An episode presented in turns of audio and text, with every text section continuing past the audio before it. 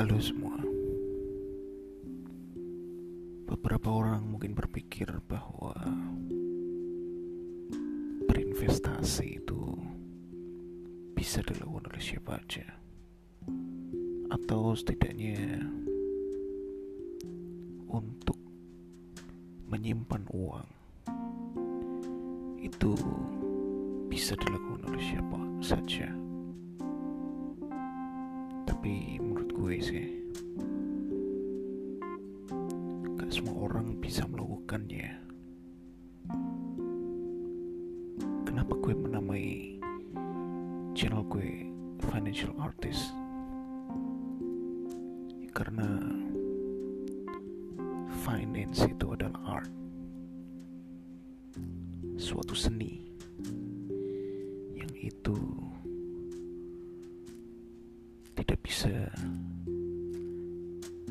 bisa dilakukan oleh orang banyak.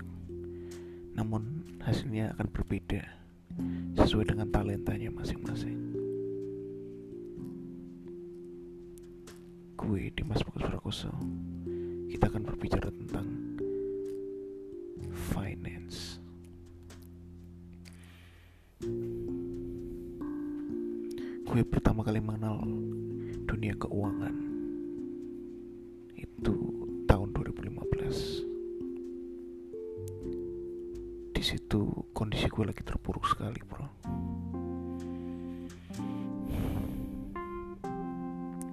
waktu itu gue bekerja di salah satu perusahaan Jepang yang di mana gue harus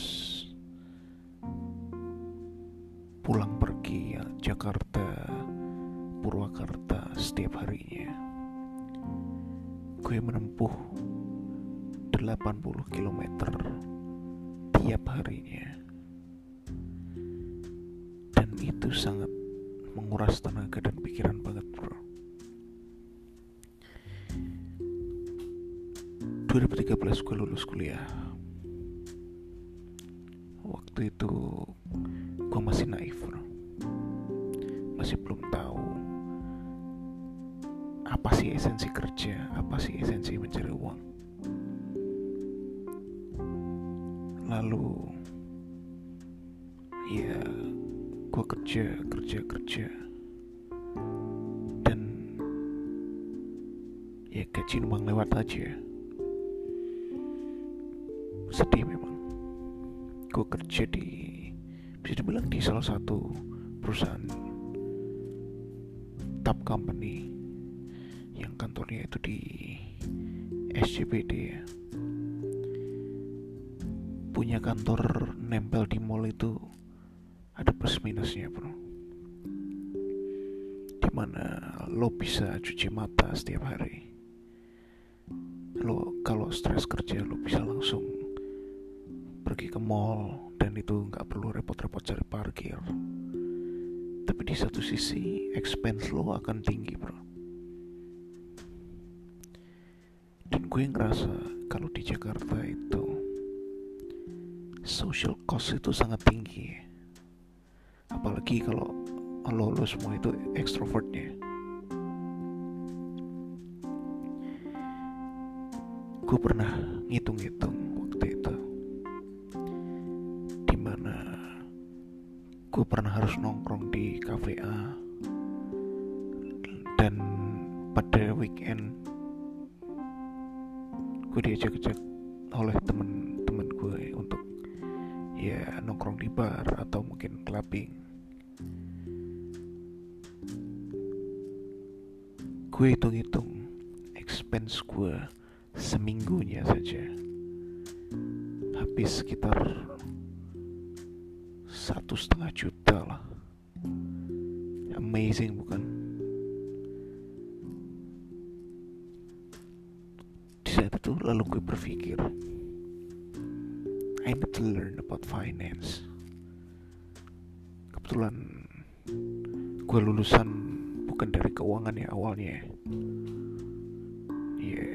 gue kerja ya di bidang IT dan nyerempet-nyerempet di marketing waktu itu.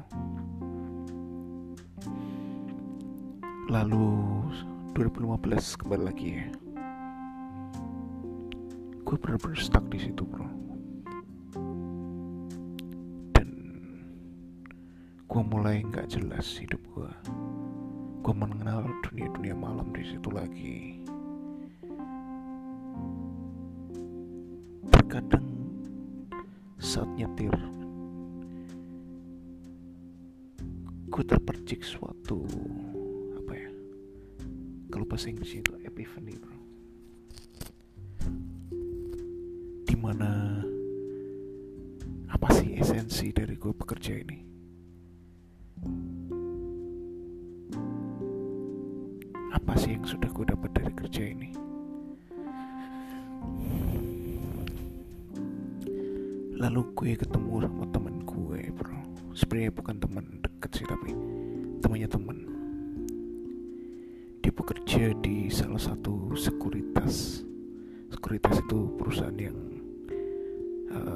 berjualan produk-produk finansial ya. Bisa berupa reksadana saham. Kita akan bahas lebih lanjut di episode selanjutnya. Gue bertemu dengan dia. Kebetulan dia bekerja di salah satu sekuritas sebagai uh, equity analyst atau analis ekuitas di mana dia bertugas untuk menjalankan suatu analisis tentang perusahaan atau saham-saham tertentu atau industri tertentu.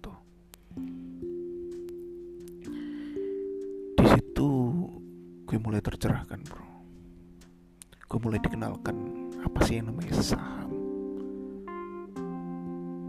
oke okay, mungkin awalnya it sounds too complicated but seiring berjalannya waktu gue mulai gali-gali informasi. Dan ya gue memberanikan diri untuk membuka rekening dana investasi. Walaupun awalnya cuma reksadana ya. Along the way gue mulai menyisihkan uang. Ya kecil-kecil aja sih bro. Berawal dari satu juta per bulan. Hitung-hitung untuk mengurangi jatah nongkrong yang unfaedah. Tapi gue ngerasa returnnya itu nggak terlalu tinggi gitu loh.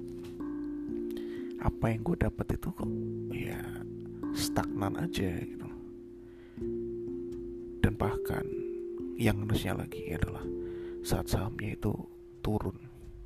Sehingga reksadana secara keseluruhan karena gue beli reksadana saham. Apa itu reksadana, saham? Nanti kita akan bahas di episode selanjutnya ya.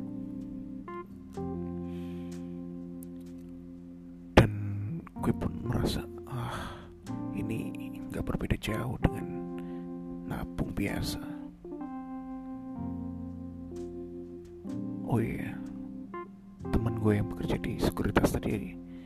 lulusan luar negeri. Dan I was inspired by him. Dia kuliah di Australia. Ya walaupun dia self funded ya tapi at least dia benar-benar tahu apa yang dia mau. Dia tahu apa career path yang dia inginkan dan ke mana arah tujuan karirnya kepikiran untuk sekolah lagi tapi karena gue udah mencintai apa nih dunia investasi gue memutuskan untuk berencana untuk mengambil kuliah tentang keuangan. Padahal ada alternatif sebenarnya, seperti mengambil sertifikasi keuangan. Tapi gue tipenya adalah orang yang harus mengetahui basic things dulu. Ya menurut gue cara yang paling baik adalah dengan mengambil kuliah. Karena di situ kita akan diajari fundamental hal-hal yang basic hal-hal yang mendasar.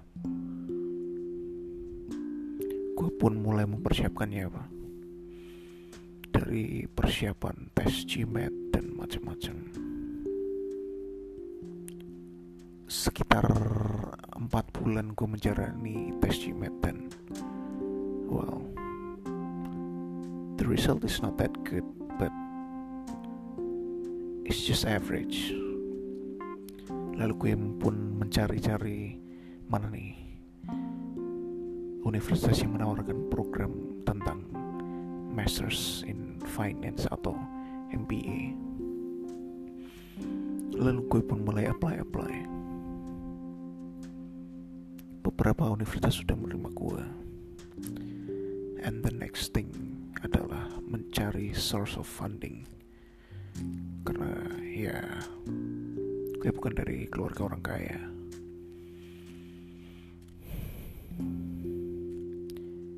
Gue mulai searching-searching tentang beasiswa.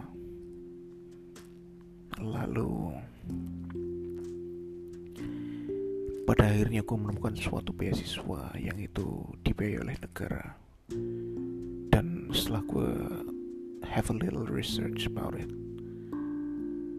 Di situ beberapa forum bilang bahwa apabila kita sudah mengantongi letter of acceptance atau surat tanda bahwa kamu sudah diterima 80% kamu akan mendapatkan beasiswa tersebut. Anyway saya tadi menyiapkan tes-tes dan persiapan masuk universitas itu sangat memakan biaya besar ya bro. Di mana gue bisa habis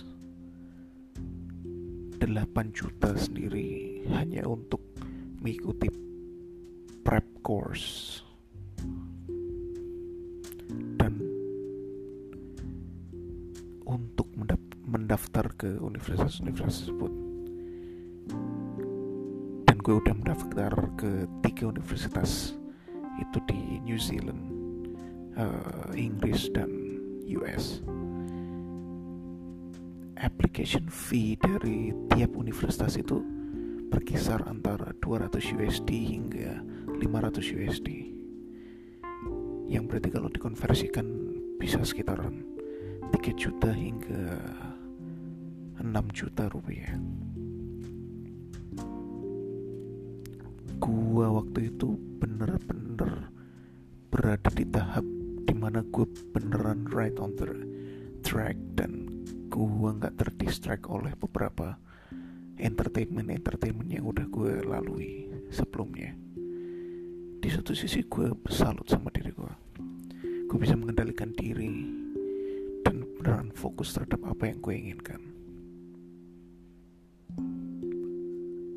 Lalu proses beasiswa pun berjalan seleksi dan lain-lain. And at the last stage. Oke okay. waktu itu last stage nya adalah uh, focus group discussion dan panel interview. Untuk FGD I nailed it panel interview gue dihadapkan dengan dua orang dosen dan satu orang dari tim beasiswa tersebut. Setelah gue memberikan narasi tentang keinginan saya dan background berpendidikan untuk mengambil higher education tentang keuangan dua orang dari tiga panel tersebut sudah mengiyakan Toh saya juga sudah diterima di universitasnya. Tapi satu orang panelis dia skeptis dengan langkah yang saya ambil.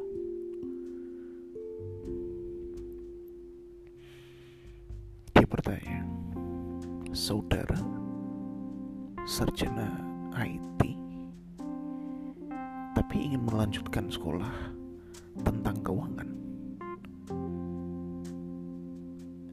just don't see it. Well, gue ceritakan pengalaman gue itu bro. Dari gue bekerja hingga sampai sekarang Esensinya itu nggak ada dan gue nggak produktif di situ. Bahkan kepemilikan aset pun nggak ada bro. Ada sih sebenarnya.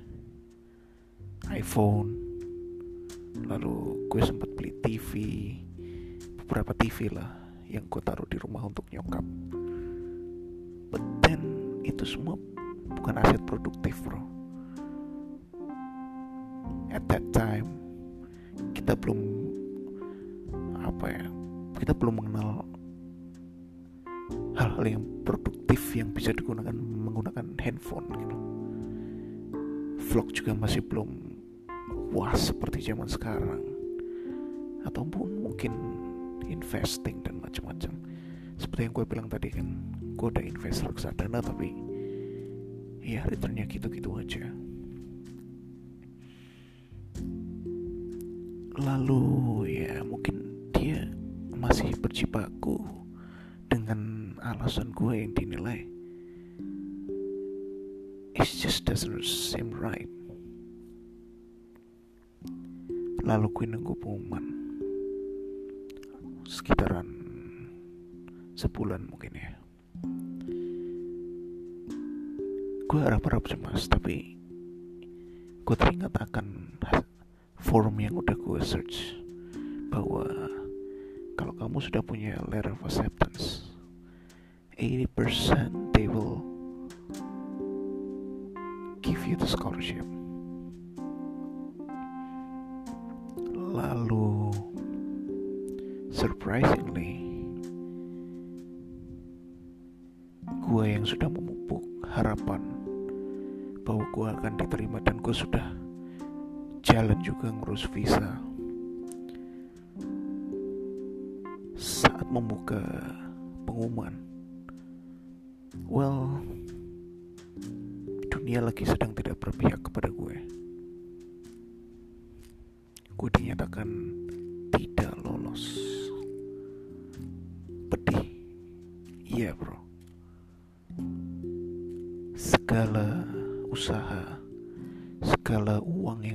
yang sudah gue keluarkan untuk mempersiapkan semua itu sirna begitu aja bro.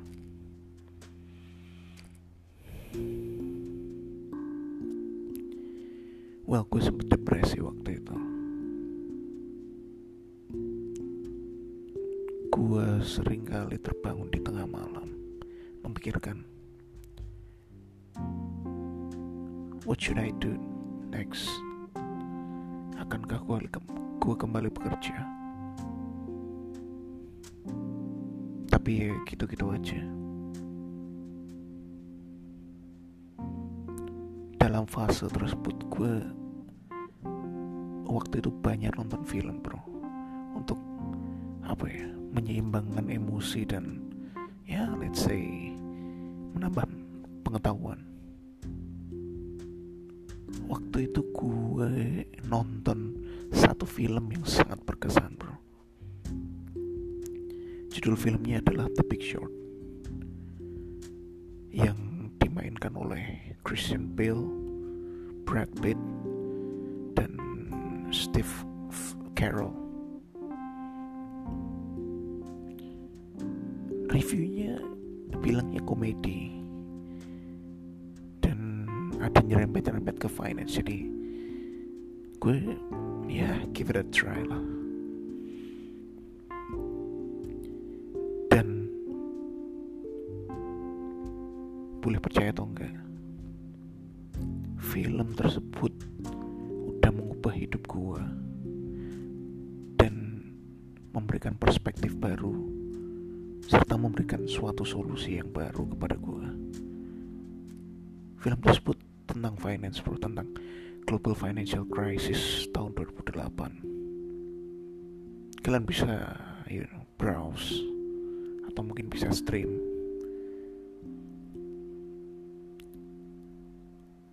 dan boleh gue kasih tahu bahwa 80% dari pengetahuan gue itu gue dapatkan dari film dan TV series. Setelah gue menonton film itu, kecintaan akan dunia keuangan dan investasi itu semakin berkembang dan bergejolak di hati. Dan pada suatu saat,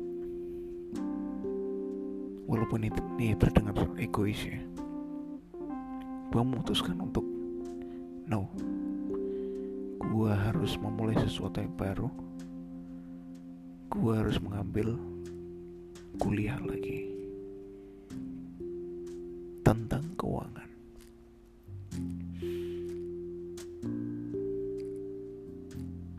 Kebetulan setelah gue mengenal investasi itu bro gue berubah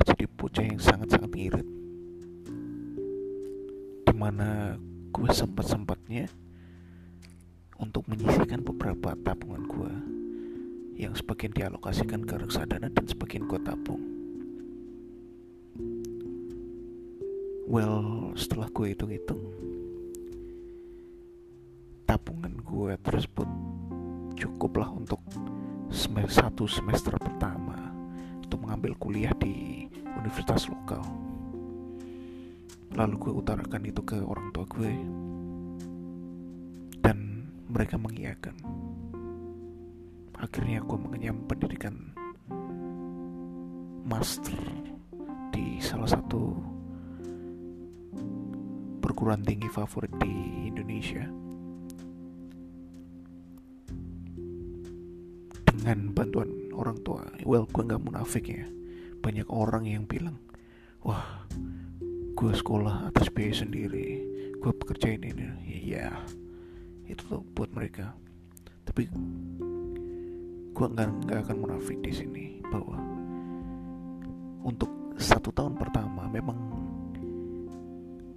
gue menggunakan dana pribadi gue tapi karena ini S2 ini dua tahun ya untuk setahun selanjutnya gue kebetulan dan syukurnya dibantu oleh orang tua gue dari situ gue mulai belajar tentang the basic of investing the basic of finance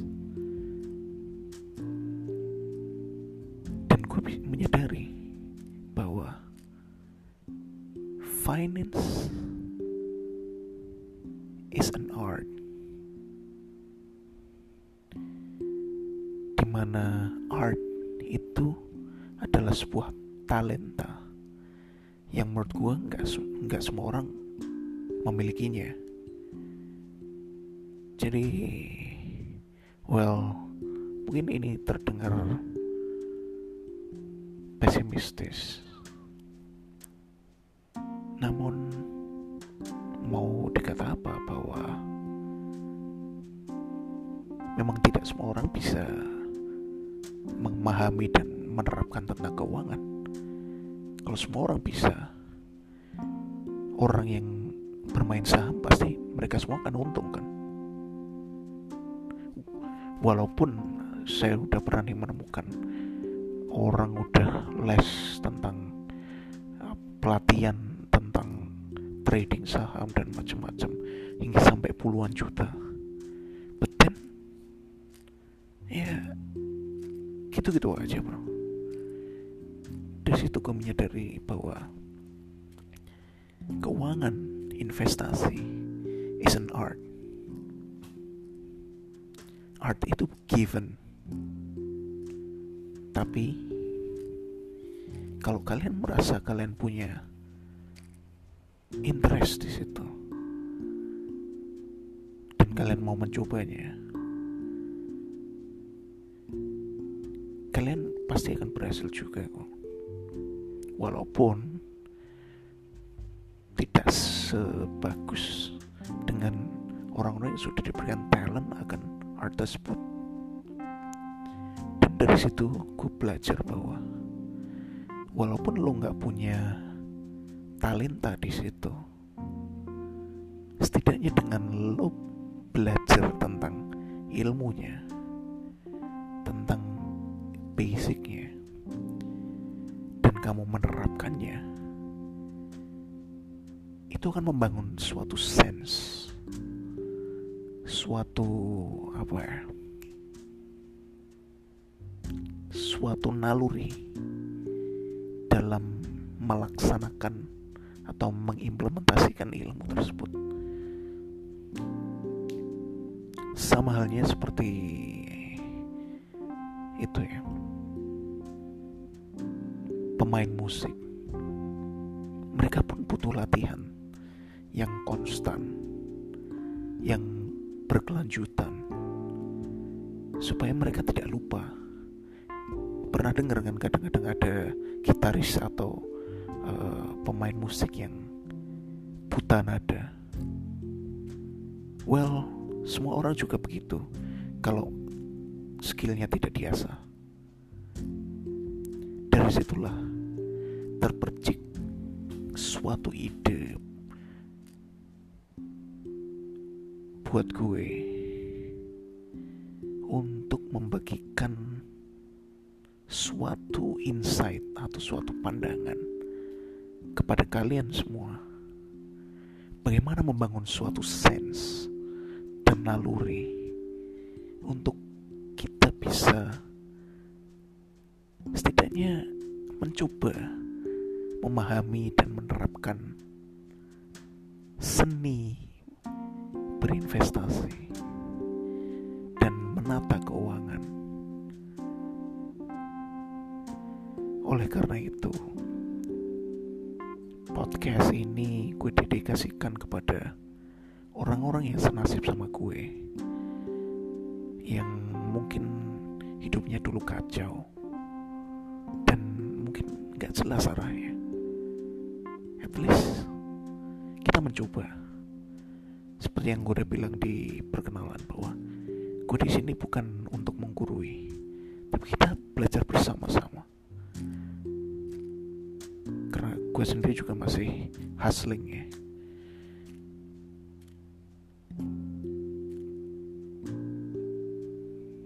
Jadi masih berminat